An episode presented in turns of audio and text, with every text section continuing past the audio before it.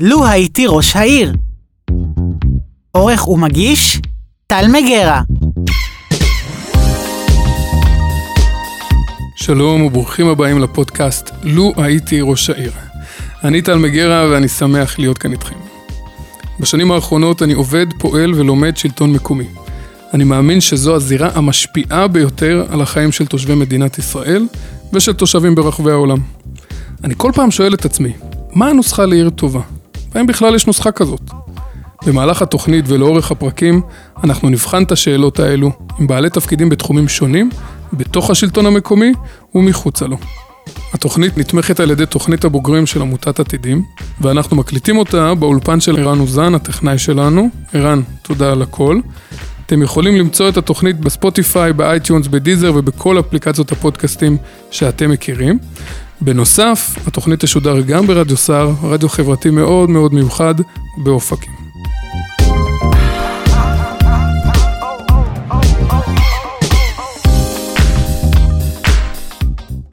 בפרק שלנו הפעם נדבר על קהילות במרחב העירוני, מה המשמעות שלהן ולמה הן כל כך חשובות.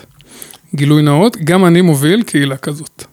בפרק היום נדבר עם בלה אלכסנדרוב, שבעבר הובילה את ארגון ארץ עיר, וכיום היא מנהלת תוכניות בחירה בתחום השלטון המקומי בקרן יד הנדיב, ואת ליאור יאיר, שהוא מנהל רשת קהילות בני מקום.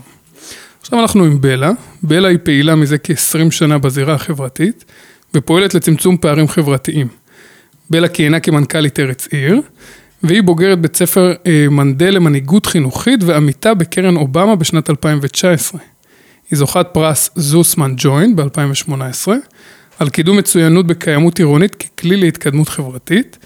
כיום בלה היא מנהלת תוכניות בחירה בתחום שלטון מקומי בקרן יד הנדיבה. התפקיד שלה הוא לבנות ולהוביל אסטרטגיות המחזקות את השלטון המקומי, ולהפוך את הרשויות המקומיות לבעלות יכולות מקצועיות וסוכני שינוי ליצירת הזדמנויות שוות ושיפור שירותים חברתיים איכותיים. בנוסף, יש לה פודקאסט מעולה, שאני מאוד ממליץ עליו, בשם City for You. אני הקשבתי, נראה לי, לכל הפרקים, והחכמתי המון, אז מומלץ. בלה, מה שלומך? בסדר גמור. אה, איך, איך הגעת לעולם הקהילות? אה, האמת היא שבהתחלה במקרה ואחר כך לא במקרה. במקרה זה כשהייתי בשנת שירות בשומר הצעיר, וזו הייתה תקופה שמאוד היה מקובל ככה בתוך התנועה להתקהל ולהקים קהילות. אבל אחר כך לא המשכתי בתנועה והמשכתי הלאה והלכתי ללמוד. אבל uh, כשלא במקרה, זה כשלמדתי עבודה סוציאלית, אז אני זוכרת uh, שכזה בשיעור על עבודה קהילתית שמירב משה לימדה, פתאום כל האורות בגוף שלי נדלקו. כאילו, זיהיתי שפה שהיא שפה שלי, אני לא יודעת אם היו לך חוויות כאלה שאתה לומד משהו ואומרים, יא, יא. דיברו עלייך. כן. Uh, זהו, אז uh, מ-2007-2008, לא זוכרת כבר מתי זה היה, אני ברומן הזה. רגע, איפה זה קרה? זאת אומרת, איפה גרת אז? גרתי אז בספיר, והייתי מאוד פעילה באזור שער הנגב, אופקים, נתיבות ואשכול, ושם זה קרה. גם אזור מאוד קהילתי, כן, זה גם... ואז מה בעצם? ואז uh, עבדתי בעלם, והייתי מאוד פעילה באגודת הסטודנטים, והיה את עופרת יצוקה, והרגשתי שאני גם ברמה האישית של נטו החיים שלי מאוד בודדה, ורוצה שותפים לדרך. ובזכות המלחמה, לא נעים לומר, הכרתי חבר'ה מקהילת קמה, ומאוד אהבתי את הצניעות, הענווה, את האופן שבו הקהילה חיה ופועלת זאת אומרת, זאת הייתה קהילה קיימת. כן, ואני הצטרפתי אליהם. ואת יכולה לספר קצת על הקהילה? זאת אומרת, מה זה? או שנכנסת, כאילו, מה, מה ראית?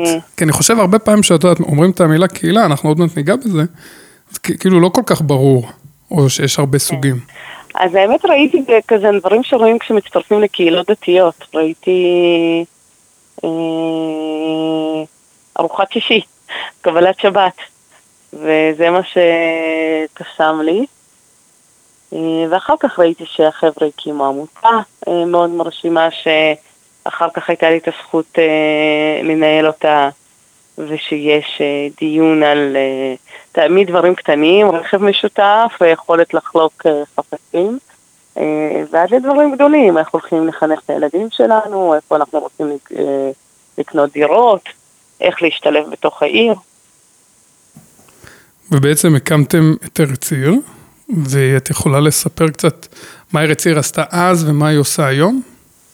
אז האמת שזה אותו חזון, אני חושבת שהחזון של העמותה השתנה, אולי שיטות עבודה טיפה משתכללות, וטוב שכך, אבל החזון של ארץ עיר זה לקדם קהילתיות עירונית ולייצר מצב שהערים פשוט אה, בפריפריה נהיים מקומות שטוב לחיות בהם.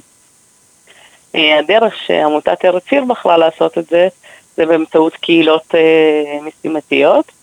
חבר'ה צעירים, בני מקום ולא בני מקום שמתארגנים לקהילות ובוחרים לפעול בתוך העיר.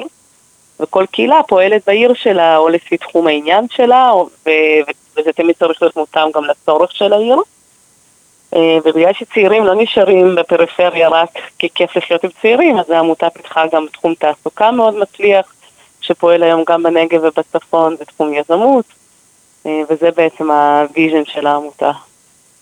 ועם כמה קהילות אה, עבדתם? או עובדים? אני יודע שזה קצת קשה לך, כאילו, את כבר לא שם, כן. אז אה, אני ממליצה לראיין את אורי, אני חושבת שאז היו 43 קהילות, ואני חושבת שהיום יש קצת יותר, ויש עבודה מאוד ענפה ויפה שבן עושה, אה, ממש רשת קהילות חזקה. אני חושבת שמה שייחודי ברשת של ארץ עיר, שזה לא בוגרי תנועות נוער, אלא זה כל צעיר וצעירה שרוצים להיות יכולים להקים קהילה, הם מקבלים ליווי מאוד מקצועי, והליווי תמיד נוגע גם ל... איך להיות קהילה וגם לאיך להיות פעיל ואיך להקים מיזמים חברתיים. יכול- אני כן אגיד כן. לך שהדגש שלי היום, אה, או בשנתיים האחרונות, זה הרבה יותר איך להביא תשתיות קהילתיות לתוך העיר, לכל אדם באשר הוא אדם. זאת אומרת, איך האיכות הזאת, קהילתיות, היא פתוחה לכל האנשים ולא רק למי שצעיר או גדל בתנועות הנכונות, או אה, מזלו שפע עליו ו- ו- ו- והוא נתקע בקהילה, אלא איך כל שכונה בעצם נהיית איזשהו מרכיב קהילתי, ואיך כל עיר משתמשת בקהילתיות כדי לקדם את עצמה.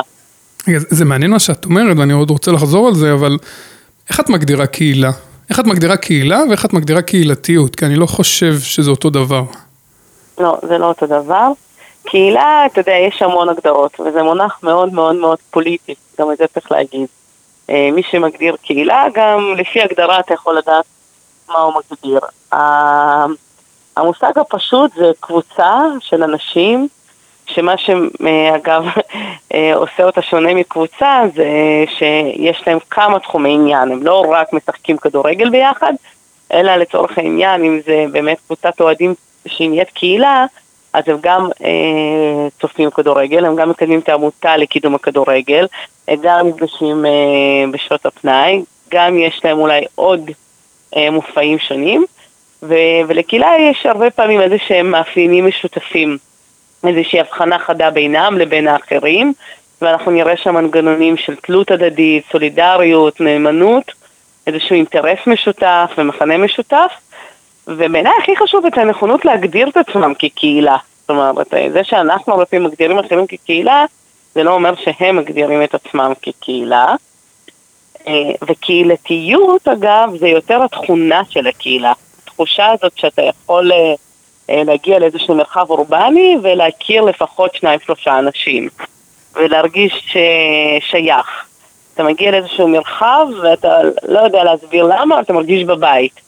ואתה תמיד תמיד אומרת בנגב, איך שחוצים את צומת קמה, כאילו זהו, אני מרגישה בבית. לא, אין, אין, אין סמל שגר זאת אומרת, בבית. אני לא חייב להיות חלק כזאת. מקהילה, אבל יכולה להיות לי תחושת קהילתיות. כן. תחושת שייכות, תחושת סולידריות. ואיך איך אתם מנסים לייצר את זה בתוך אה, ערים?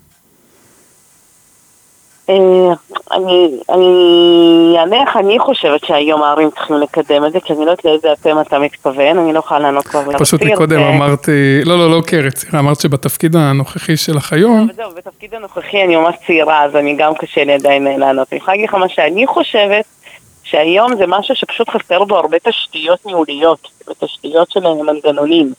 זאת אומרת, גם המבנה השכונתי זה משהו שזנחנו.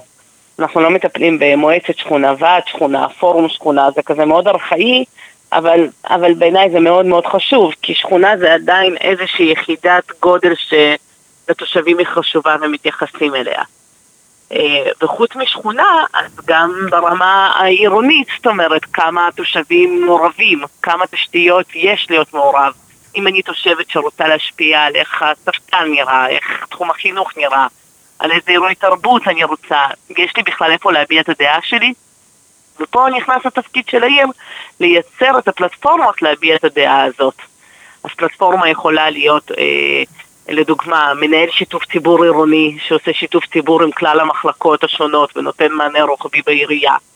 ומענה יכול להיות אה, קשר אה, רציף של עירייה עם עמותות ועם המגזר השלישי. ומענה יכול להיות עיר שמחליטה שיש רובעים או ועדי שכונות או מועצות. מענה יכול להיות שרשויות מתחילות לפתח אגפי קהילה ושמים את כל המרכיבים החברתיים תחת אגף אחד. אז היום זה עיקר העיסוק שלי, זאת אומרת איך התשתיות האלה קיימות, ואז כשהן קיימות, אז ניתן לראות שהן משפ... חייבות להיות ברמה הניהולית, כמובן גם תקציב שניתן לתחום הזה וזה לא משהו שהוא כזה מגששים שקל מפה ושקל משם. ואז בהקשר הזה אנחנו נרצה לראות גם מרחב ציבורי שמאפשר קהילתיות והתקהלות והוא מאפשר איזושהי, אתה יודע, אפילו דברים כמו רמקול ובמה וגם עסקים קטנים שמאפשרים קהילתיות כי יש מלא מחקרים שמראים שכשיש בית קפה טוב או מספרה טובה או מחפצה טובה או אפילו סתם חלל נעים לחנות, אה, כל חנות זה משפיע מאוד על הקהילתיות והשייכות. מה, מקום שפשוט מאוד נעים לשבת בו ולהיות בו?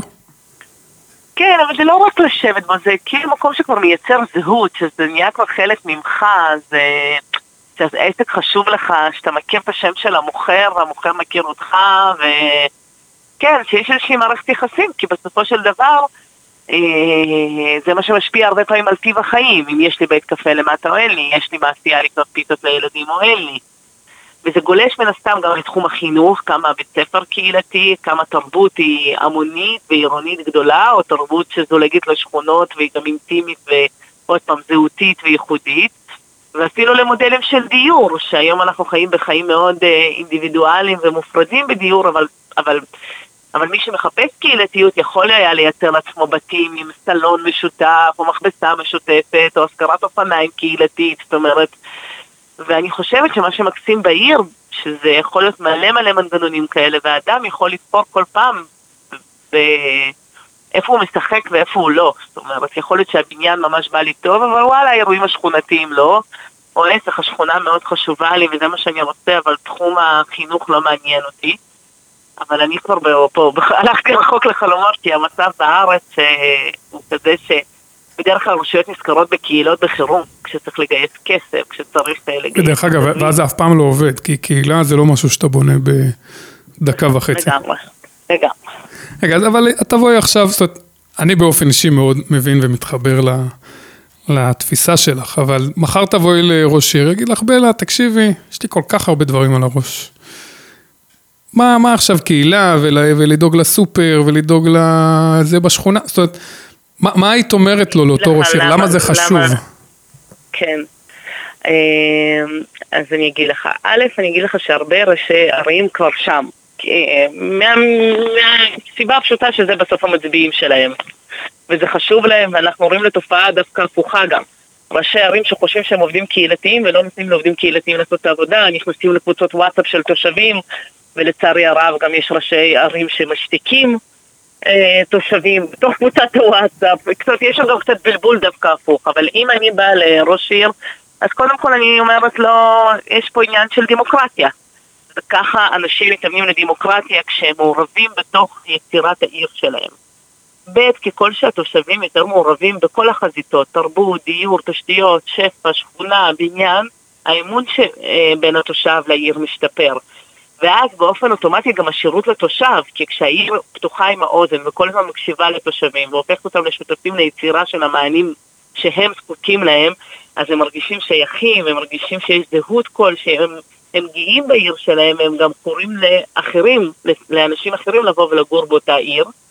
אני אגיד שהרבה פעמים היום כשאני מציעה מנגנונים שכונתיים, אני מדברת על, אה, על גופים מתווכים. אני אומרת, אוקיי, כל הערים שלנו הולכות לגדול ממש, הערים מכפילות את עצמן, אז אי אפשר לנהל את כל העיר ממוקד אחד אה, עירוני. אז, אז גם הפן הניהולי, המשילות של העיר היא גם אה, גורם מאוד מאוד חשוב. אה, הרבה פעמים תושבים הם גם משאב, כי לתושבים יש להם קשרים, אחת עובדת בקרן, השנייה עובדת באיזה, באיזה חברה מאוד גדולה שיכולה להביא. זאת אומרת, אני חושבת שכל התפיסה של הרשות יכולה להשתנות מה זה תושבים, האם הם שותפים שלי או הדבר המציק הזה ש... שאני רואה אותו בסעיף הוצאה. כאילו, אז אני חושבת שיותר ויותר ראשי ערים הולכים לשם. האתגר הוא, דווקא אני מוצאת שהאתגר היום פחות ראשי ערים, אלא יותר גם הרמה המדינית, העובדה שהרבה דברים המדינה לא מספיק מבזרת ומשחררת לרשות. וגם שזה תחום שאין לו היום משרד ממשלתי, אז אין לך תקציב, זה לא כמו תרבות או, או ספורט שלרשות ברור איך היא מנהלת אותו כי יש תקציב מדיני. למרות שנראה שלאחרונה או בשנים האחרונות יש יש קצת התעוררות גם ברמת מדינה, לדוגמה קול קורא של, היום זה משרד ההתיישבות, בעבר משרד החקלאות לגרעינים, שאנחנו מבינים מאיפה זה נולד, אבל, אבל זאת אומרת, יש כבר שיח קהילתי קצת יותר אה, משמעותי. אני מבין שבעינייך כן, הוא לא מספיק משמעותי. כן, אבל ספציפית משרד החקלאות נותן את המענה אה, רק לקהילות משימתיות, לא לתשתיות קהילתיות בעיר. זה בכלל תקציב שעובר דרך הרשות. אז אתה צודק שרשות שרוצה ויודעת לעבוד עם המדינה יכולה לקחת קצת כסף משוויון חברתי וקצת כסף מנגב גליל וקצת כסף ממשרד הרווחה ו- ולייצר תקציב. יש תקציב. אבל זה לא נוח וקל כמו שבמשרד החינוך אתה יודע כמה כסף אתה מקבל ואיך ולמה וכן הלאה. אז זה כן מאתגר. אני מבין. יש לך אה, אולי דוגמאות, בהמשך למה שאמרת קודם, לערים בישראל שעושים את זה מאוד טוב? אה, טוב, זו דוגמה לא חדשנית, אבל, אה, אבל אני חושבת שחייבים ללמוד ממנה. אז, אז ירושלים, היא דוגמה מעולה, מעולה, מעולה. גם תל אביב עשתה תהליכים מאוד יפים, גם של חלוקת העיר לרובעים וגם של מנגנוני ניהול, ויש שם אגף קהילה ששווה ללמוד ממנו. וגם רשויות אחרות, יכולה להגיד לך שבראשון יש מנהל שכונות די טוב, ובבאר שבע גם אה, חברת כיוונים מתחילה עכשיו ליישם את המודל של הרובעים. אבל אה, יותר קל לי להגיד דווקא שאלות אה, ש, שכדאי לשאול, ש, ושאלות שכדאי לשאול כשהם בוחנים את זה, זה כמה התושבים מעורבים, כמה החלטות התושבים יכולים לקחת, כמה תקציב ניתן לתחום. הם יודעים למדוד את זה שאני בוחנת. איך מודדים את זה היום כמה התושבים מעורבים? אה, אני מזמין אותך לאופקים, את תדעי להגיד לי על פי מדדים מסוימים אם התושבים מעורבים או לא? תראה, אה, יש מדד שהחברה למתנ"סים פיתחה שהוא ממש טוב, קוראים לו מדד ממש. הוא, הוא יותר בודק את, ה, את החוויה של התושבים. וממש אפשר לעשות אותו, ואז אפשר לדעת אה, איפה התושבים מרגישים משמעותיים, שייכים, אה, משפיעים. המדד שאני רוצה אותו, ונראה לי שהוא חסר בשיח, זה המדד שמודד את הרשות עצמה. זאת אומרת, נגיד, לא התושב, אלא אני, הרשות, לא עשיתי מספיק כדי לאפשר לתושבים להיות חלק. וזה עוד משהו שצריך לפתח. אבל מדד הקהילתיות של החברה למתנ"סים די תפס, הוא גם מפורסם באתר שלהם, והוא משווה בין רשויות, אה, אני לא חושבת שהם מפרסמים את כל הממצאים כדי לשמור על האינטרס של הרשות לעשות את המדד, אבל די בקלות אפשר לדעת שם לפחות את חוויית התושבים. אה, כמה הם מרגישים אה, שיש להם הון חברתי והון קהילתי ושייכות בינם לבין עצמם. בלה, את מדברת המון על, על הרשויות המקומיות, ואני מבין את זה. מצד שני, זאת אומרת, את, את כחברת קהילה לשעבר או עדיין? לשעבר. לשעבר? את אומרת את זה בצער. בצער, כן, כי זה לא הייתה החלטה קלה, מאוד אוהבת את הקהילה שלי. לא, גם לא יודעת כמה לשעבר, אני מקשה מאוד מאוד חלק, אבל כן, אבל כן, אני כבר לא גרה בבאר שבע ואני לא חלק ביום יום של הדבר הזה. אז תכף אני באמת אשאל אותך גם על החוויה האישית שלך, אבל מעניין אותי איפה המקום של הקהילות, כי דווקא אני מרגיש... כמישהו באופן אישי שמעורב בחיי הקהילה בעיר שלי וכמוביל קהילה, ש, שהרבה פעמים אתה יכול לייצר קהילה ולייצר לזה, לקהילה תפקיד מאוד מאוד משמעותי בתוך העיר, גם אם אתה פחות עובד עם העירייה. זאת אומרת, תפקיד העירייה הוא חשוב מאוד בעיניי, אבל אתם דוגמה טובה לדברים מדהימים שעשיתם, שלא קשורים אה, בהכרח לעירייה ולא הייתם צריכים לבקש אישור מהעירייה. אני חושבת שזה שני נושאים שונים. זה שקהילה יכולה להיות משמעותית ולעשות המון פרויקטים חברתיים משמעותיים ולקחת אחריות על החברה, מאה אחוז מסכימה איתך וזה סופר חשוב. וזו תופעה מהממת, יש היום בארץ יותר מ-250 קהילות כאלה, דתיים, חילוניים, אה, חולצות כחולות, אה, אה, שרוך אדום, שרוך לבן, כזה you דרוזים, יהודים, ערבים, וזה מהמם. אני אישית היום מתעניינת באיך זה מגיע לכל תושב באשר הוא תושב, איך זה נהיה שירות קהילתי בתוך אה, איכות חיים קהילתית בעיר. מתוך הטענה שאני חושבת שאנשים היום רוצים לגור בעיר, וזה לא הגיוני שכל מי שרוצה קהילתיות יחפש קיבוץ או מושב, וכדי שאנשים יקבלו את הגם וגם שהעיר יכולה לאפשר, גם את תחושת הזרות בעיר גדולה ואף אחד לא עושה עליהם מעקב, אבל גם את הקהילתיות וזהות ושייכות, אז העיר צריכה לייצר פלטפורמות כאלה. ועל זה קהילות משימתיות לפעמים נותנות מענה ולפעמים לא, זה תלוי כמה הקהילה פתוחה. והיא מייצרת הרבה דברים עבור כלל הקהילה, שאגב, אני לא חושבת שזה תמיד התפקיד שלה, אה, ואני, ואני בהכרח כן חושבת שזה תפקיד של רשות מקומית, כי היא בונה איזשהו הון אנושי שהיא גם נשענת עליו בחירום ובעוד מקרים. הבנתי. את יכולה עכשיו קצת לספר על החוויה האישית שלך כחברת קהילה? זאת אומרת, למה זה היה כל כך חשוב לך? ולמה היא עדיין מאוד אה, חשובה לך? כי אני חושבת שא', כי כאילו, יש את התשתיות שעירייה, מדינה, גופים יכולים לבנות, אבל בסוף, אם אתה רוצה להיות בקהילה או לא, לא רוצה להיות בקהילה, רק אתה יכול לבחור. ואני טיפוס קהילתי, והיה לי מאוד כיף uh, לגור עם הקהילה באותו בניין, וללכת לאותן מסגרות חינוך עם הילדים, וזה... מיכל, חברת קהילת אומרת, זה חברות ממוסדת, תחשוב שכל החברים הכי טובים שלך, טוב, אתה יודע את זה, כן?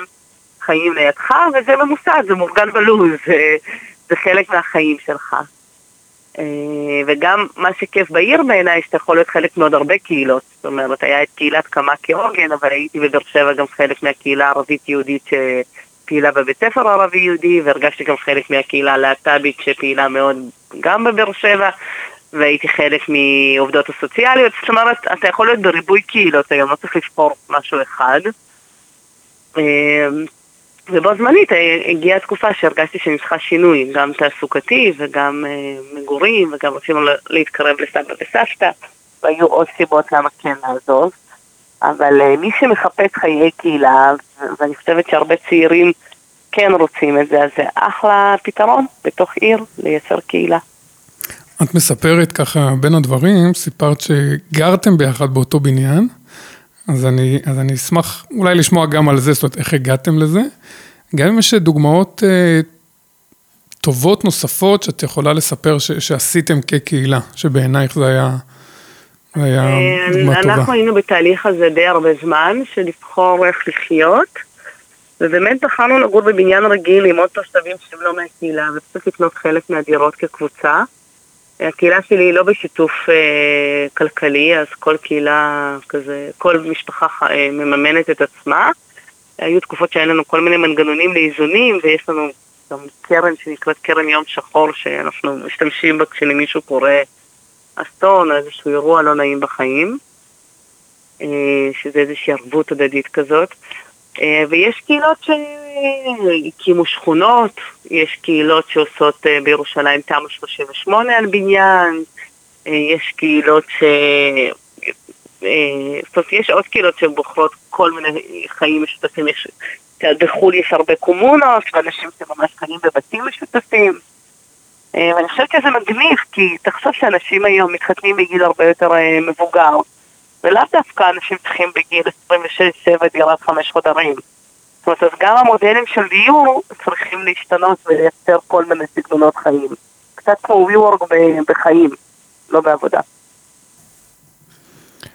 אני קצת אה, חוזר אחורה, זה פשוט, כי את, את פה ככה בין, ה, בין המשפטים שלך, זרקת פה המון דוגמאות של קהילות מאוד מאוד שונות ומאוד מאוד מגוונות.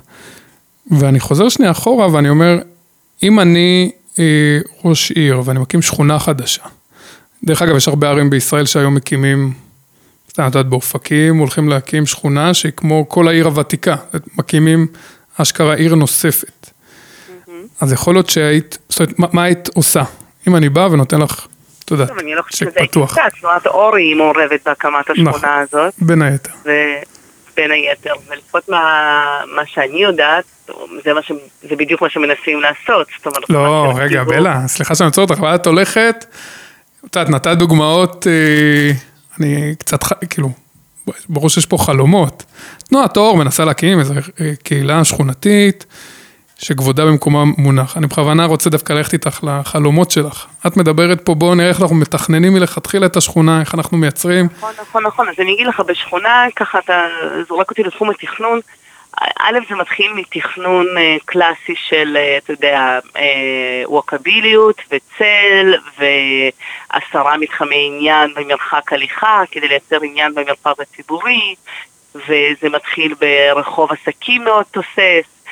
ומה שמאוד מאוד חסר בארץ זה בכלל מגוון של דיור, זאת אומרת איך באותה שכונה אתה מייצר גם דיור ציבורי, גם דירות קטנות, גם דירות גדולות, גם דירות ענקיות, ואז הקהילה מתערבבת, כי יש שם גם רווקים וגם משפחות וגם בודדים וגם אה, אנשים. עם פחות יכולות כלכליות, וזה אה, מגוון שמאוד מאוד חסר היום בשכונות בכל היכ... וזה משפיע על הכל, זה משפיע על החינוך ועל הערבוב של מגוון האוכלוסיות. וזה משפיע על חיבור בין אנשים ואוכלוסיות, וגם על מענים, זאת אומרת, אה, איזה דירות בכלל יש בהיצע כלפי סגנונות חיים שונים. ובבניינים עצמם, אז כמובן, אם חושבים על המרכיב הקהילתי, נגיד תיסע היום להולנד, אתה תראה ממלא בניינים חניית אופניים מפוארת, נוחה, שקל להשכיר, ולא לכל אחד יש אופניים, אלא אה, כזה, כמו בתל אביב, אבל סביב בניין, ואתה תראה קומה של מכונות כניסה, כן, תראה באמת שבכל בית מכונות כניסה. ואתה תראה חדר קהילתי כדי לעשות בו אספות וימי הולדת ומפגשים, כי חלל ומרחב ציבורי משפיע על קהילתיות. ואתה תראה מקום שילדים יכולים לשחק בביטחון בלי שיש כביש באמצע. אין ספק שהתכנון האורבני, התכנון הפיזי, הוא, הוא מאוד מאוד מאוד משפיע על זה. איפה החנייה, בתוך הדבר הזה או מחוץ לדבר הזה. זאת אומרת, כל, כל הדבר הזה מאוד מאוד משפיע. יש ספסלים, אין ספסלים בחוץ. אמ, יש ערים אצלנו היום שמגיעות לרזולוציה הזאת? מאוד שם, אה, עדיין, ה... כאילו, וגם אני חושבת שאנחנו נמצאים באמצע שינוי שאנחנו בעצמנו עוד לא מבינים אותו, כי אנחנו מתחילים לחיות. בבניינים של 12-20 קומות, וזה צורת קהילה שעוד לא מכירים, ואגב זה גם פרויקט מאוד מעניין שארציר עושה, שקוראים לזה קהילות ורטיקליות. כאילו להבין מה המשמעות של זה, אתה יודע, לשבת באספת דיירים אפילו של אה, 20 דירות, זה לא כמו אספת דייר, דיירים שהייתה ברכבות של השיכונים בדלת של ארבע קומות. כן, האמת שאפילו, זאת שאני חושב על זה, יש בניינים עם, אה, אפילו עם הרבה יותר דירות, ובאמת אין איזשהו מרחב כזה שמאפשר להם להיפגש.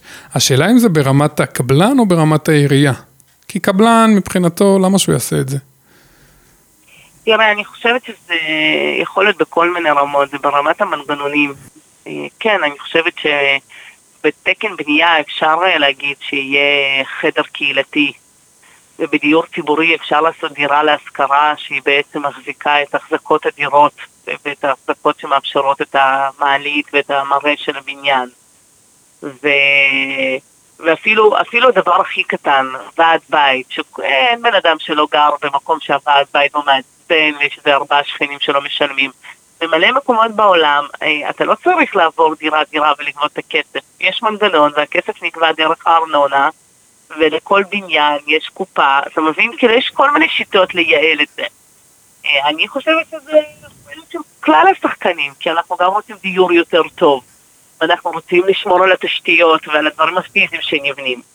ואנחנו רוצים שיהיה נעים בבניין, ושאנשים שונים ידעו להסתדר. בסוף, כאילו, אתה יודע, הפילוג הגדול שריבלין דיבר עליו, הוא לא קורה אי שם רק בכנסת, הוא קורה בקטן, או שהוא לא קורה בחניון, בקניון, במעלית. ואז כן, כדי... אם אנשים עכשיו הופכים לגור בבניינים כל כך גדולים ולא יהיה להם את הכלים ואת הליווי ואת הכתובת ואת היכולות המשפטיות להתארגן, נגיד בניין כזה, שלושה תושבים לא משלמים, מה הכוח של התושבים מול התושבים האלה? ואם לתושבים האלה אין כסף לשלם. זאת אומרת, זה דברים אולי קטנים, אבל אני לא חושבת שנהיה חייבים לתת עליהם את הדעת. קודם כל זה מרתק מה שאת אומרת, אני חושב שיש פה חומר, אה, חומר למחשבה, ואת מרגישה שיש איזושהי מחשבה על הדברים האלה ברמת מדינה? אמרת את זה קצת קודם שלא. אני, אני כן מרגישה שאנחנו באיזשהו שעת שיא כזאת, אני ככה אולי אמנה כמה יוזמות, גם משרד הרווחה וקרן רש"י וג'וינט מובילים מיזם מאוד גדול שנקרא קהילה מיטיבה. והם הולכים להיכנס בפיילוט בעשרה יישובים עם פונקציות של אה, מנהלי קהילה ושיתוף ציבור וקשר עם עמותות, ונראה מה יצא מהפיילוט הזה. גם, אני לא יודעת אם אתה מכיר עמותה מהממת שנקראת התנועה הישראלית, שהם מובילים תהליכים של אה, שינויים מבניים לבחירות אזוריות, אבל הדרך שבה הם עושים את זה, הם מקימים נציגויות שכונתיות בערים שבהם הם פועלים. אה, ופנימה, הארגון ששי פירון מוביל, כתבו מסמך מאוד מעניין שקוראים לו מקומי, מקומי ישראלי, ובעצם מראים איך עבודה מקומית קהילתית יכולה להשפיע על לכידות חברתית, שזה החזון של פנימה. אה, אז אני כן, ומשרד רוה"מ מתחיל עכשיו להתעסק הרבה יותר בתחום של שיתוף ציבור בתוך הרשויות המקומיות. אז אני כן מרגישה עכשיו כזה צו שעה, וגם יש נגיד יותר מ-40 רשויות בארץ שהקימו אגפי קהילה. בלי משרדי ממשלה ובלי תמיכה, פשוט הבינו שזה תחום שהוא חשוב להם ושמו שם את כל התוכניות החברתיות, ו... אבל עדיין נדרש שם להגדיר מה זה בעצם אומר אגף קהילה, מה התפקיד שלו, ו... ושוב, מה ההתייחסות שלו לשכונות ולרובעים, ו... אז אני חושבת שאנחנו שם, אנחנו בכיוון, אבל המלאכה עוד מאוד מאוד רבה, במיוחד אם אנחנו רוצים שהשינוי יהיה ממעלה שנייה, זאת אומרת שהוא, שהוא נראה בחקיקה, במבנים ארגוניים, בתקציבים משמעותיים ולא ב... אה, לא יודעת מה, כאילו גם דברים חמודים הם חשובים, אבל לא, אבל לא נסתפק רק בהם. באתי להגיד, ולא נסתפק בחג שכונה, שהוא מאוד מאוד חשוב, אבל כאילו, אבל צריך את התשתיות. קודם כל, בלה, אני חייב להגיד שבמהלך השיחה, אני יוצא מפה עם המון שיעורי בית של דברים שציינת שאני רוצה לקרוא. אה, אנחנו, אנחנו לפני שאנחנו מסיימים, כי פשוט אה, אמרת דברים אופטימיים, אז אני רוצה ככה שנסיים איתם. אם אה, שומעים אותנו אנשים שעובדים ברשויות מקומיות, שלשם אנחנו מכוונים, או חברי מועצה או ראשי עיר, איזה מסר או טיפ היית רוצה להעביר להם? א', שמוזמנים לפנות אליי, אני בדיוק עושה מיפוי ומנסה להבין גם מה התוכניות אה, שאני אעשה בתפקיד החדש שלי בקרן יד הנדיב. וב', שזה תחום שלא צריך לפחד ממנו. אה, במיוחד לראשי ערים, אני חושבת שהמנהיגות של היום דורשת אה, לגדל ולייצר את המנהיגות של מחר. ואני פחות בסגנון של ראשי ערים ל-20-30 שנה. אני חושבת שככה מייצרים מנהיגות ודמוקרטיזציה ועיר של תושבים, ואני חושבת שעיר של תושבים שהם מעורבים בה ואוהבים אותה ונהיה להם גאוות אה, יחידה כזאת, אז זה משפיע על כל תחומי העיר, מהכלכליים ועד לנראות הפיזית ועד לבעיות הכי חמורות שיש באותה עיר. ואני חושבת שבסוף כל עיר תצטרך לתפור לה את החליפה המתאימה לה. זה לא אותו פתרון לכל מקום, אבל זה כן משהו שהיום אי אפשר כבר להתעלם ממנו, והקורונה הרתה לנו את זה מאוד, ובטח כל המבצעים הצבאיים בנגב, שאנחנו חייבים לבנות תשתיות קהילתיות ממוסדות, מסודרות, שהעיר מובילה ומנהיגה אותן, כדי שנוכל אה, לדבר על זה זה. אפילו המאורעות האחרונים שלא דיברנו עליהם, אבל שהיו בערים מעורבות, מעורבות uh, בקיץ הקודם. זה עוד דוגמה למה אי אפשר להתעלם מזה ורק כשקורה חירום להתעסק בזה, אלא צריך בשגרה לבנות הרבה שגרות שאנשים שונים נפגשים, שמחלקות שונות נפגשות, שיחידות שונות בגודל בתוך העיר יודעות לעבוד ביחד. ולכל זה אני קוראת תשתיות קהילתיות uh, ברמה העירונית, ובאמת, כמו שאמרת בתחילת הפרק, הפודקאסט שלי מנסה לפרוט את זה כל פעם בנושא אחר, אבל, אבל כן, זה הרעיון. אני חושב שמה שיפה במה שאת אומרת, קודם אמרת הרבה דברים יפים, אבל משהו מאוד יפה ש, ש, שאני לוקח, שיש פה הרבה דברים שאפשר לעשות גם שלא עולים שקל. זאת אומרת, העירייה הרבה פעמים רק כ, כמנגנון, כ... אה, איזה שהם תהליכי עבודה פנים ארגוניים שיכולים לייצר את הדברים האלה עוד לפני שהם מקבלים איזה תקציב חיצוני בכלל ויכולים לשפר את, ה, את, ה, את הקהילתיות ואת הקהילות ואת העיר בכלל ב... לא יודע, 30, 40, 50, 60 אחוז ולייצר באמת אפקט אה, מאוד משמעותי. לגמרי. בלה אלכסנדרוב, כן, רגע, רצית להגיד משהו, סליחה. היה לי עוד משפט אחד. שדווקא הוא קשור אליך, כי אתה, אתה פעיל במועצת העיר של אופקים, וזה כאילו גם מנושא כזה שלא מדברים עליו, אבל גם הוא מאוד קשור לזה. כי המעמד של חברי המועצה, ומה הם יכולים לקדם בעיר ומה לא, והאם יש להם תקציב, והאם הם משולמים, זה גם קשור לאותו נושא בסופו של דבר, של מנגנון דמוקרטי שבינינו לא עובד, וצריך לבחון איך לחזק אותו כדי שלקהילות יהיה קול בהחלטות של הרשות. אבל אה, פתחתי לך נושא לפרק הבא. לגמרי, לגמרי. האמת, האמת שדיברנו על זה קצת ב, בפרק לפני, אבל זה פודקאסט, אז את יודעת, תלוי מתי ישמעו. נכון. בלה, תודה רבה. אה, למדתי רבה, המון, נתת לי ולמאזינים הרבה שיעורי בית, אה, ואני מקווה שניפגש בהמשך. יאללה, תודה, בהצלחה. תודה, להתראות. ביי. התוכנית נתמכת על ידי תוכנית הבוגרים של עמותת עתידים. אנחנו מקליטים אותה באולפן של ערן אוזן, הטכנאי שלנו. תודה ערן על הכל. אתם יכולים למצוא את התוכנית ב Spotify, ב iTunes, ב Deezer ובכל אפליקציית הפודקאסטים שאתם מכירים. בנוסף, התוכנית תשודר גם ברדיו סער, רדיו חברתי מאוד מאוד מיוחד שנמצא באופקים. שלום לליאור יאיר, מנהל רשת קהילות בני מקום, ובעבר חבר קהילה בעצמו. אה, גילוי נאות, הקהילה שאני בין מוביליה היא בתוכנית הזאת, אה, אצל ליאור. אה, ליאור, מה שלומך? אהלן, שלום, שמח להיות כאן איתכם. גם אנחנו מאוד שמחים שאתה כאן. ליאור, תספר לנו קצת על עצמך וגם על התפקיד שלך. בשמחה. אז אני בן 38, נשוי אה, לתפילה ואבא לשני ילדים אה, מתוקים. אה, ואני בשלוש שנים האחרונות, באמת כמו שאמרת, מנהל את רשת קהילות בני מקום. זה מיזם חברתי שמי שהקים אותו ויזמו את, ה, את העשייה שלו זה קרנות גנדיר, שחף, פדרציית וושינגטון וג'וינט ישראל לפני שבע שנים.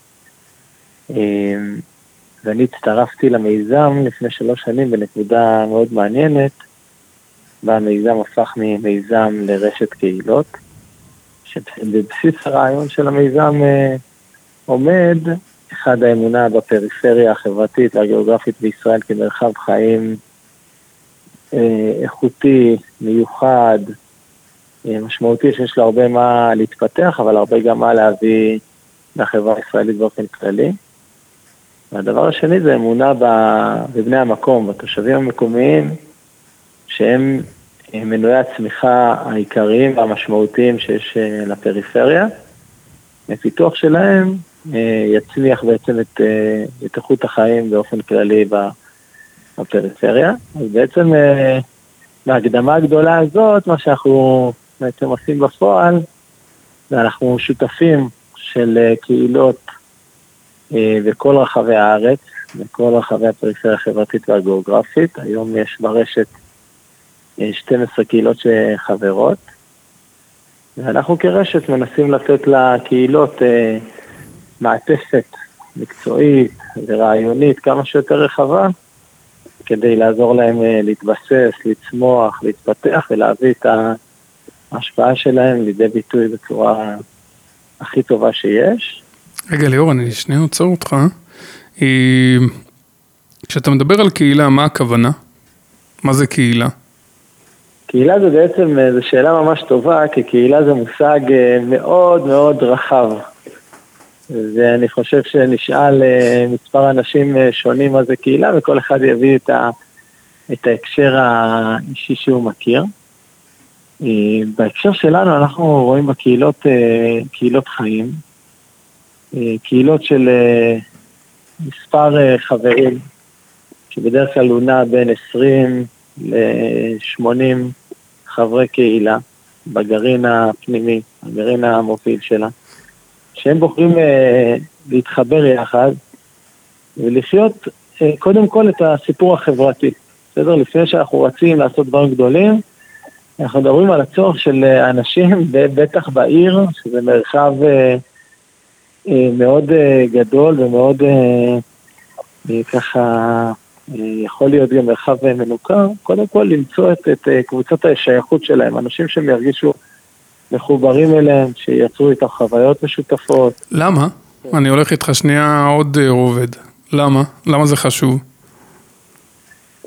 כי האדם הוא יצור חברתי, האדם רוצה שבסביבת חיים הקרובה שלו יהיו לו אנשים שהוא יכול לחוות איתם את השמחות שלו, יכול להישען עליהם באתגרים שהוא חווה, שהוא יכול לחלוק איתו את ההתלבטויות שיש לו ואת החוויות האישיות, אם זה עם משפחות עם ילדים, אז רואים את זה מאוד שככה חווים את הדברים ביחד, גם חבר'ה צעירים בשלב הטרום-משפחתי, אנשים משתחררים מהצבא ומחפשים חברה, מחפשים את הביחד. אה, בתוך המרוץ המאוד מאוד אה, אינטנסיבי הזה של להיות צעיר בישראל ולבסס את עצמך עם זה בלימודים ועבודה וקריירה ומשפחה. ואנחנו שומעים, זה דברים שאני, שלא צריך את התיאוריה בשבילהם, אלא פשוט לראות את הברק בעיניים של אנשים שמדברים על הקהילה שלהם ומתארים את זה ממש כמו משפחה שנייה. אה, מתארים מה זה עבור, עבורם, מה זה עבור הילדים שלהם. וזה אני חושב עונה על צורך מאוד מאוד אה, ראשוני ובסיסי בחיים היום. בטח היום אני חושב שיש איזשהו תהליך של, אה, של אה, ככה סביב העולם הדיגיטלי, ובטח בטח בטח בקורונה, שמאוד חידדה את זה, הצורך של האנשים להיפגש ולחוות אחד את השני. באיזה ערים אתם פועלים בישראל? אה, וואו, אז בואו נתחיל אולי עם הקצוות, אז אה, אילת בדרום, כרמיאל בצפון, ובין לבין קריית ים, נתניה, דרום תל אביב, לוד, בת ים, אשקלון, אופקים כמובן, שככה, כמו שהקדמת, אתה מובילי קהילת אה, תפדל באופקים, ירושלים, בטח פספסתי איזה אחת-שתיים. אה, אבל באמת, כמו שאתה מבין, אה, הפריסה היא מאוד מאוד רחבה וגם הזהות היא מאוד מאוד משתנה. אין כאן איזה טייטל של ציבור מסוים בחברה הישראלית, יש בקהילות האלה קהילות של דתיים וחילונים, יהודים וערבים, אה, צעירים ובעלי משפחות צעירות. המכנה המשותף זה חבר'ה שרוצים לחיות חיים קהילתיים ושימתיים. עם, עם, עם, עם כוח משמעותי של הכוחות המקומיים שיש בעיר. כדי אולי ש... שהמאזינים יבינו, אתה יכול לתת אולי שתי דוגמאות של מודלים שונים של קהילות שפועלים בתוך הרשת? זאת אומרת, אתה יכול להצביע על שתי קהילות שונות מתוך ערים שונות שבהן הם מתנהלים באופן שונה אחד מהשני, כדי שאנשים יבינו, זאת אומרת, אני אגיד לך מה, כי כשאומרים קהילה, אז כמו, ש... כמו שאמרת קודם, אני חושב שכל אחד יכול לקחת את זה לכיוון אה, מאוד אה, אחר. ו... ואולי כדי שיבינו מה זה, כי מי שלא, מי שלא נמצא בתוך זה, אני לא בטוח שהוא מבין מה זה קהילה. וכמו שגם אמרת, יש, יש המון סוגים שונים של קהילות. אז אני אשמח אם תיתן שתי דוגמאות של קהילות שאתה עובד ומכיר, ויש להם מודלים שונים, וגם אה, אילו פעילויות הם עושים, או יוזמות. בשמחה. אז אולי נלך אה, צפונה אה, לקהילת אה, תנופה צפונית כרמיאל, בסדר? זה השם של הקהילה, תנופה צפונית. זו קהילה ותיקה, קהילה שפעילה אה, בשש שנים האחרונות. וזה, הייתי אומר, זו קהילת אה, חיים קלאסית. מה הכוונה? זו קהילה של 20 משפחות אה, לילדים. שמאוד ברור מי חבר בקהילה. וממילא גם מאוד ברור מי לא חבר בקהילה. איך? ועשרים משפחות האלה... רגע, למה, איך זה ברור? זאת אומרת, אם אני עכשיו אלך לשם, איך אני אדע אם הם חברים או אם לא חברים? אתה לא תדע מי להסתכל עליהם, אבל יש תהליך מאוד מאוד מסודר של קבלת משפחות לקהילה. כלומר, זה משהו מאוד מוגדר, מי מוגדר חבר קהילה, ומי אה, שותף לקהילה, משתתף באירועים שהקהילה עושה. אה, הייתי אולי אה, מדמה את זה לקיבוץ, ש... שיש רשימת חברי קיבוץ, והם החברים שיכולים להצביע ויכולים, כאילו זכאים לזכויות ומחויבים לחובות. אז גם תנופה צפונית היא, היא קהילה כזאת, היא קהילה שהחברות בקהילה היא מוגדרת. חברים חד... הקהילה פתוחה לקבל חברים חדשים, אבל יש איזושהי זהות ומאפיינים שמי שרוצה להתקבל צריך שזה יתאים לו. אתה יכול אולי לתת דוגמה? זאת אומרת, אם אני מחר עובר לכרמיאל, או ששומע אותנו מאזין מכרמיאל ואומר, וואי, איזה יופי, אני רוצה להצטרף לקהילה, מה, מה הוא צריך לעשות? למשל, הקהילה מקיימת אה, מליאה, הם קוראים לזה, אה, אחת לחודש. וחברים שמצטרפים לקהילה מתחייבים להיות, אה, לקחת חלק במליאה. יש אנשים שזה יתאים להם, יש אנשים שזה פחות. אה, אז זה דוגמה למשל למשהו שהוא חלק מהמסגרת הקהילתית. הוא חבר קהילה מחויב גם לקחת חלק אה, גם בפעילויות וגם בפרויקטים שהקהילה מוציאה לפועל. אילו, אילו פרויקטים אה, או יוזמות הם עושים? אז, אז הקהילה בכרמיאל עושה, אז אני אגיד, זו קהילה ותיקה כמו שאמרתי, ויש להם גרעין פנימי של 20 משפחות, אבל הם, הם לא גרעין ש... העשייה שלו מוכוונת כדי להיטיב רק עם ה-20 משפחות האלה, אלא הפנים שלהם הם באמת החוצה, הם לכלל התושבים בכרמיאל. אה, וכמו שאני אמרתי, הסיפור שלנו גם קהילת בני מקום, אז, אז רוב חברי הקהילה הם חבר'ה שגדלו, נולדו או גדלו רוב חיים בכרמיאל. ולמשל הקהילה הרימה, הקימה לפני כשנתיים וחצי אה, את השיתופית. השיתופית זה מחסן שיתופי, שהקהילה ממש הקימה אותו מהמסד עד הטפחות, והוא מאפשר לכל תושבי כרמיאל להגיע ולהשאיל ציוד, או ציוד של כלי עבודה, או ציוד טיולים, או ציוד גינון, אה, בהשתתפות מאוד מאוד סמלית. ואני חושב שפעם אחת זה באמת אה, משהו שהוא מאוד אה, פרקטי, מאוד פרודקטיבי, שאם אתה צריך משהו אז, אה, אז אתה יכול להשיב, וזה גם יש בזה פן אה, סביבתי מאוד מאוד יפה, במקום שיהיה 40 אה, מקדחות בעיר, אז יש אחת שיתופית ומעולה.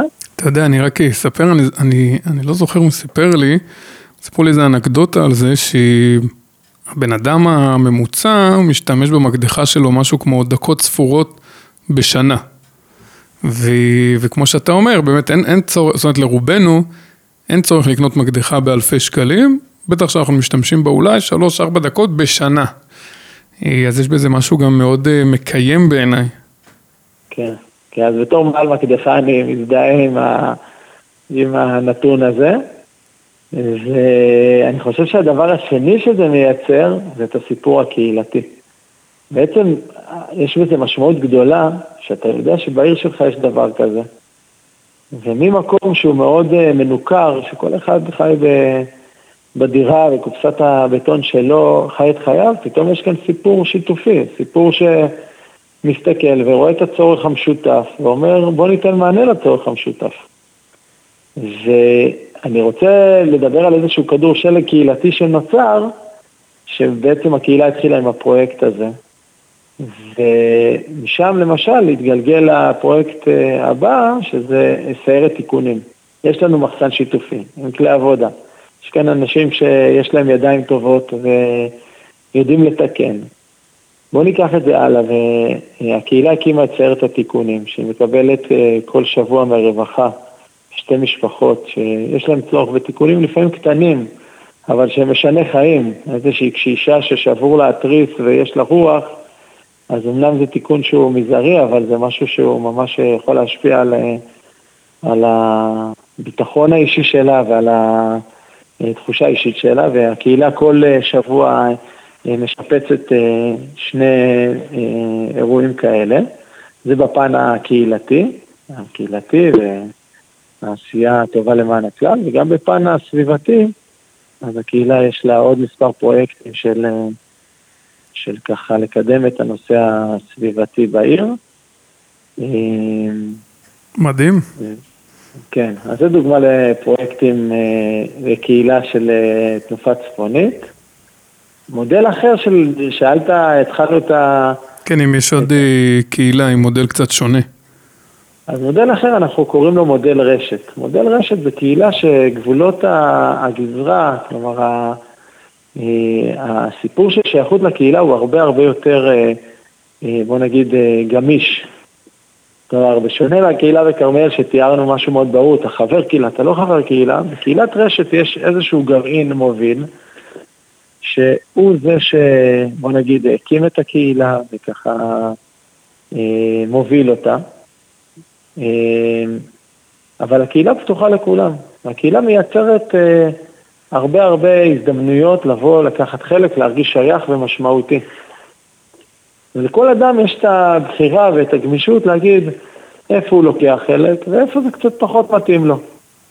אבל, אבל גם בן אדם שלוקח חלק בהמון אה, דברים וגם בן אדם שלוקח חלק בפחות, אתה יכול להגיד אני שייך לקהילה ואני חושב שהקהילה שלכם, הקהילה של אופקים, קהילת פאדל, היא באמת, אה, אפשר להגדיר אותה קהילת רשת.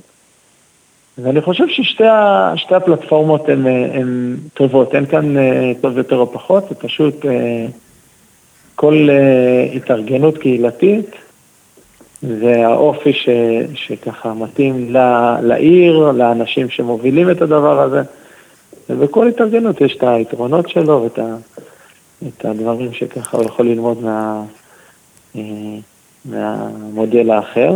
אנחנו תומכים בשני המודלים ומאוד מאוד אוהבים את שניהם.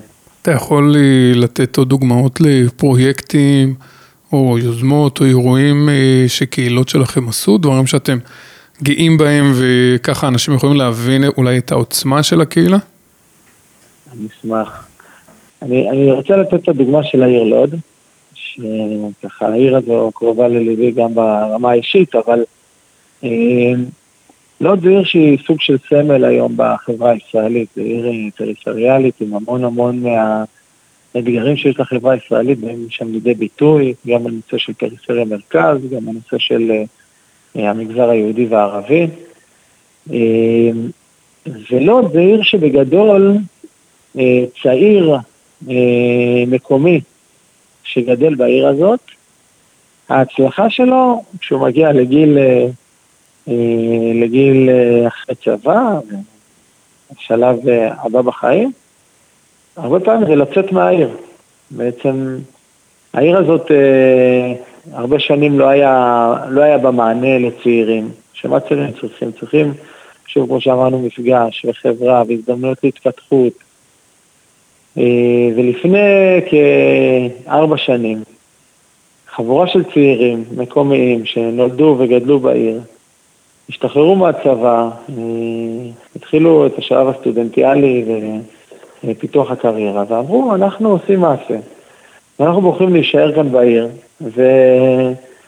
ולהתחיל לתת, אה, להיות הביצה ש- שתוליד את התרנגולת, שתביא את השינוי במציאות הזו של העיר ושל הספציפית של הצעירים, והם לקחו, הם החליטו להתמקד בנושא תרבות הפנאי והאומנות המקומית, והם הקימו אה, לפני שלוש אה, שנים את פאב התחנה, שזה הפאב היחיד שהיה קיים בעיר לוד, עד היום דרך אגב. לוד זה עיר אה, במרכז הארץ, חצי שעה מתל אביב, חצי שעה מירושלים, גם עיר לדעתי די גדולה. עיר נכון. זאת אומרת, זה לא עיר מאוד קטנה. תושבים, ואין שם פאב, שזה משהו שהוא כל כך אלמנטרי. אז הם הקימו את הפאב והפעילו אותו בהתנדבות, שזה מדהים, במהלך אה, שנתיים אה, שלמות. אה, כל שבוע, באופן קבוע, אה, אלפי צעירים באו ונהנו מהדבר הזה.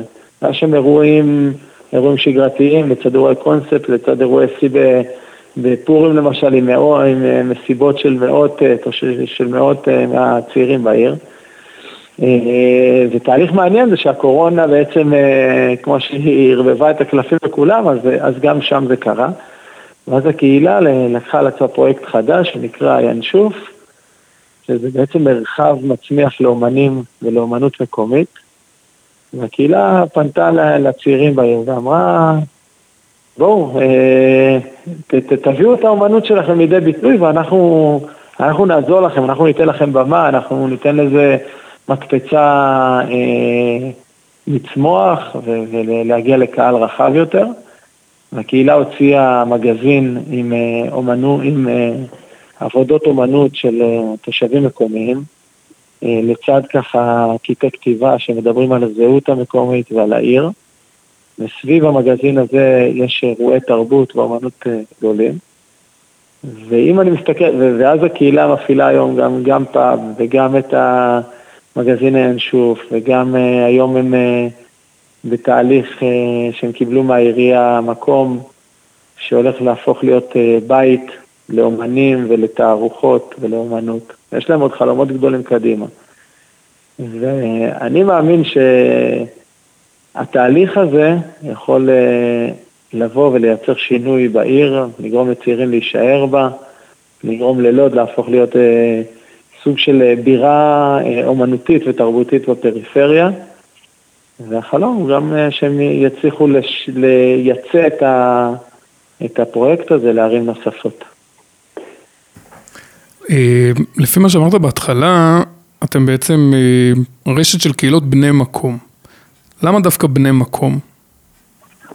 ואולי גם תסביר מה, זאת אומרת, מה, מי קהל היעד שלכם כשאתם אומרים בני מקום? בני מקום זה בעצם, אה, בני מקום בא ושואל מה המנוע הצמיחה שייקח את המקום קדימה אה, בטווח הרחוק, בטווח הארוך. והאמירה שלנו ש, ש, שאותם תושבים ש, שהחיים שלהם, שהם נולדו בעיר ו- וגדלו בה, הם באמת, כמו שאמרתי מקודם, הם מנוע הצמיחה של העיר. למה? כי, כי הם אנשים ש, שהחיבור שלהם למקום הזה הוא מאוד עמוק. הם מכירים את ה-DNA לכל עיר ולכל מקום, אני מאמין שיש איזה DNA, איזושהי זהות מקומית ש, שקיימת באותו מקום. התושבים האלה מכירים את ה-DNA. הם, הם מחוברים אליו, הם, הם, אה, כל החיים שלהם ככה, זה, הרקמה האנושית הזו שיצרה את, ה, את החיבור שלהם למקום הזה. בסוף כשהם פועלים שם, הם, הם אה, משקיעים לא בשביל משהו שהוא מחוץ להם, לעזור ל...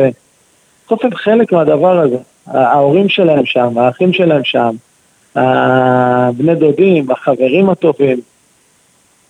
ואני חושב שזה ערך מוסף אחד שבני המקום מביאים לעיר שלהם, ביכולת שלהם להיות אה, גורמים מאוד משמעותיים. דבר שני שאני חושב שאם אנחנו נשמר את התהליך שכל פעם הכוחות החזקים בפריפריה אה, עוברים למרכז וכל פעם אנחנו מנסים אה, מחדש להניע את הגלגלים קדימה, אז אני חושב שמשהו בפערי ה... בפערים בין הפריפריה למרכז כל הזמן יישמר וכל הזמן קצת נרדוף סביב הזמניו של עצמנו. אבל שינוי כזה שהכוחות החזקים, כולם חזקים, אבל הכוחות האלה שיבחרו להישאר ולהשקיע ולהיות חלק מקהילות משמעותיות ולייצר עשייה ופרויקטים, אה, אני, אני מאמין שהם יכולים לייצר שינוי עמוק ב, ב, בסיפור של העיר שלהם, במיתוג שלה, ב... באיכות החיים שיש בה. רגע, יותר מבעצם תושבים ש... שלא בהכרח נולדו בעיר, זאת אומרת שעברו לעיר? אתה חושב שיש להם איזה ערך מוסף לא יותר או, גדול? כן, אני חושב שזה לא או-או, כן, אנחנו... אני חושב שכל בן אדם שבא ובוחר אה, לגור במקום מסוים, אז כמובן אה, הדלת פתוחה, וגם בטח ובטח אם הוא בוחר לבוא ו- ולהיות אה, מעורב ופעיל. אני חושב שבתוך הפאזל הזה, אז משהו בתפיסה, בעולם הקהילות, דיבר הרבה שנים על תפיסה של התיישבות. כלומר, שאם אנחנו רוצים לקדם את הפריפריה, אנחנו צריכים לייבא כוחות אה, חזקים מהמרכז החברתי-גיאוגרפי, והם ייקחו את הפריפריה קדימה. כשהפאזל הזה לא מאוזן, אז, אז זה עלול להיות אה, גם מסר מחליש, וגם באמת, אם אין את החלק של בני המקום בפאזל כמנוע, כמנוע צמיחה, אז אני חושב שזה, שזה לא שלם. אבל התמונה השלמה ש, שאנחנו רוצים לצייר זו תמונה שבני המקום הם כוח מרכזי, לצד כוחות אה, אה, חזקים שבאים גם מבחוץ. אני חושב שהשילוב הזה הוא שילוב שיכול לייצר אה, צמיחה משמעותית. אה, אנחנו אה, מתמקדים באמת בסיפור המקומי, אנחנו חושבים שיש צורך להתמקד בו, כי, כי אולי הוא קצת היה חסר בנרטיב ובסיפור, ו... והמטרה שלנו זה להחזיר אותו למרכז. ליאור, אם, אה, אם ראש, ראש עיר כלשהו מחר מרים אליך טלפון ושואל אותך, ליאור, אני רוצה, אתה יודע מה, הוא אומר לך, מה אני צריך לעשות בתחום הקהילות? מה היית אומר לו? אני חושב שהייתי אומר לו קודם כל בתפיסה, זו תפיסה שמחבקת את, ה... את המעורבות החברתית והאזרחית של התושבים שלך. איך עושים את זה? מה זה אומר? זה אומר שהוא רואה בהם שותפים. שהוא, אוקיי, יש מבנה מאוד אה, ארגוני מאוד ברור לסיפור של העירייה, יש ראש עיר, יש אה, עוזרי ראש עיר, מנכ"לים, מנכ"ל עירייה, סמנכ"לים אה, וכולי, והם, אה, הסיפור שלהם זה לפעול לטובת העיר. ואני רוצה להגיד שמעבר לעובדי העירייה שהמטרה שלהם זה לפעול, הם משרתי ציבור והמטרה שלהם זה להיטיב עם התושבים, בעיר נמצאים כוחות מדהימים, כוחות אזרחיים, שלגמרי שלגמרי בתודעה שלהם רוצים לקחת חלק בסיפור הזה. העיר חשובה להם. והם אומרים, אני רוצה שיהיה כאן טוב, ואני מוכן להשקיע כדי שיהיה כאן טוב. וכשראש עיר מבין את זה, שיש לו בעצם אה, חבורה שלמה של שותפים, והוא רואה אותם ככה, אז, אז זה, זה מכפלת כוח עצומה. אה, אחד מהסיפור של העיר, של, של ראש עיר, זה, זה להבין, למפות את הצרכים, את, ה, את הצרכים של, של בעצם של תושבי העיר. וממקום מאוד ריכוזי, ש, שככה הוא ותושבי, ועובדי העירייה עם העיניים של, של העירייה, ופתאום יש לו עכשיו עוד אה, אלפי עיניים בשטח, ש, שעוזרים לו לראות את הצרכים. אולי בהקשר הזה אני אספר סיפור, שבעיניי ממחיש בצורה מעולה את הדבר הזה, אז כשאני הייתי, גרתי בבאר שבע, במהלך חמש שנים, שנים אחרי שהתחתנתי עם אשתי, וגרנו בשכונה ג' והרגשנו שככה, שכונה ג' זה אחת השכונות, ה, בוא נגיד, הפחות חזקות בבאר שבע, ובאר שבע זה עיר מדהימה עם מלא גינות ציבוריות מטורפות, ובשכונה יחסית לא, לא מצאנו מקום אה, שבמרחק הליכה אתה הולך עם הילדים וככה נהנה באופן איכותי. והחלטנו לעשות מעשה, והיה איזה שטח ציבורי ש... רגע, ליאור, כשאתה אומר החלטנו, בעצם אה, היית חלק אה, מקהילה אז? נכון, הייתי חלק מקהילה שקוראים לה קהילת גוונים, שזו קהילה של משפחות צעירות בשכונה ג', והקהילה הזאת פעלה בכל מיני תחומים. ו... וכמו שאמרתי, באותה תקופה עלה הנושא הזה של, שוב, משפחות עם ילדים, הצורך לצאת אחרי צהריים למקום קרוב ונגיש ונעים עם הילדים שלך, צורך באמת אה, בסיסי ואלמנטרי. וכשאתה מסתכל על זה, אתה אומר, וואלה, לכולם יש, ולנו יש פחות. אה, אז החלטנו לעשות מעשה והחתמנו, הקמנו עוד אנשים על עצומה, שאנחנו מבקשים אה, לקחת את גן המעפילים זה נקרא, לשדרג ולשפץ אותו, ואחרי שהגענו ליעד של החתימות והתרגשות, שלחנו מייל אה, לראש העיר, אה, רוביק דנילוביץ', אה, עם ההסבר ועם החתימות ועם הבקשה. ואתה שואל את עצמך מה תהיה התגובה, האם נקבל איזושהי תגובה של התנגדות כזה או, ה... או של מסמוס, והתגובה הייתה מדהימה, קודם, רוביק, קודם כל רוביק מגיב למיילים של תושבים תוך יום-יומיים ברמה האישית, שזה כבר uh, תחושה מדהימה. אבל התגובה שלו הייתה משהו בסגנון של חבר'ה, תודה רבה שהפסדתם את תשומת ליבי. צביקה, שזה העוזר שלו, אני מבקש שתיקח את זה לטיפולך האישי, ואני מבקש להתעדכן uh, תוך uh, פרק זמן מסוים. Uh, ובסופו של דבר באמת תוך שנה עמדה שם גינה משופצת ומשודרגת, אחרי תהליך משותף של שיתוף ציבור ושל ושל התושבים. ואני חושב שזו הדוגמה, שבא ראש העיר ואמר, אני רואה בכם שותפים, אם העליתם צורך אז אני סומך עליכם שזה צורך אה, שהוא אמיתי, ואני איתכם, ונעשה ביחד את התהליך, ובאמת, כמו שאמרתי, היינו שותפים גם לכל תהליכי התכנון, והמיפוי והאפיון של הצרכים. כמובן הביצוע, אנחנו פחות חברה קבלנית, אבל אה, הרגשנו שותפות, ואני חושב שזה סיפור אה, משמעותי, ואני חושב שגם עם הקהילות שזה פחות ככה, אני רואה תהליך של אה, בהתחלה יש איזשהו תהליך שאני חושב שאפשר לאפיין אותו באופן רחב, אי אפשר להכליל כמובן, אבל אפשר להכליל אותו שבהתחלה יש איזה סוג של התעלמות, כלומר העירייה שהיא שוב, היא גוף אה, מאוד היררכי ופוליטי גם, אז, אז הוא לא יודע איך לאכול את הסיפור הקהילתי בהתחלה. אה, אחר כך שהקהילה גדלה ויש לה פעילות משמעותית, אז העירייה לומדת להכיר אותה, וזה שלב של, אה, משלב ההתעלמות זה שלב הלמידה ההדדית. ואני חושב שהשלב השלישי זה השלב אה, של שותפות. שהעירייה מבינה את הכוח שיש לה בידיים, היא מבינה את זה שאין כאן, אה, בטח שאין כאן מאבק, אלא יש כאן חיבור כוחות שרק יכול להיטיב עם כולם, ושם זה השלב של שותפות. ואם אני חוזר עוד משפט לקהילה וכרמיאל, שסיפרתי על השיתופית ועל הקהילה, אז מפגישה עם, אה, שהיינו לאחרונה עם אה, מנהל מחלקת, אה,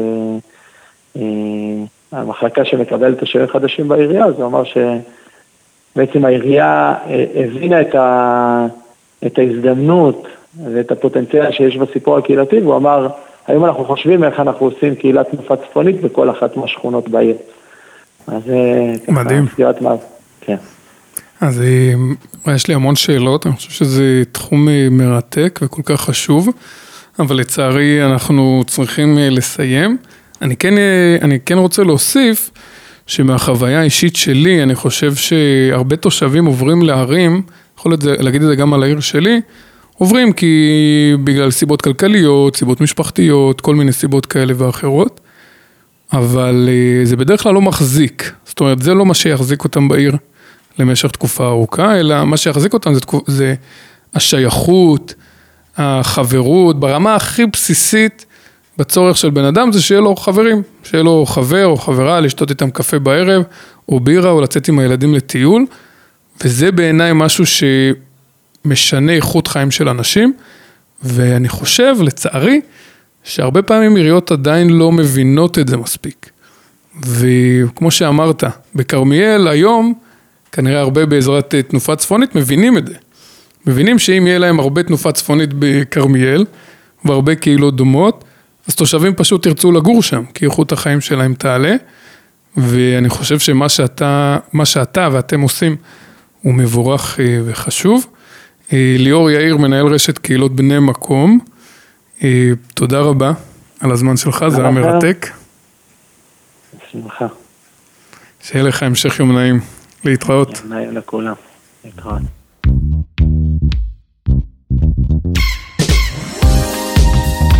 הפרק הגיע לסיומו. תודה לכל מי שסייע להפקת התוכנית, תודה לעמותת עתידים על מימון התוכנית, ותודה לערן אוזן, הטכנאי שלנו. אני מזכיר שאתם יכולים למצוא אותנו ב Spotify, iTunes, Deezer, ובעצם בכל אפליקציות הפודקאסטים, וכמובן ברדיו סער, רדיו חברתי מאוד מיוחד מאופקים. אני הייתי טל מגרה, נשתמע בפרקים הבאים. לו הייתי ראש העיר, עם טל מגרה.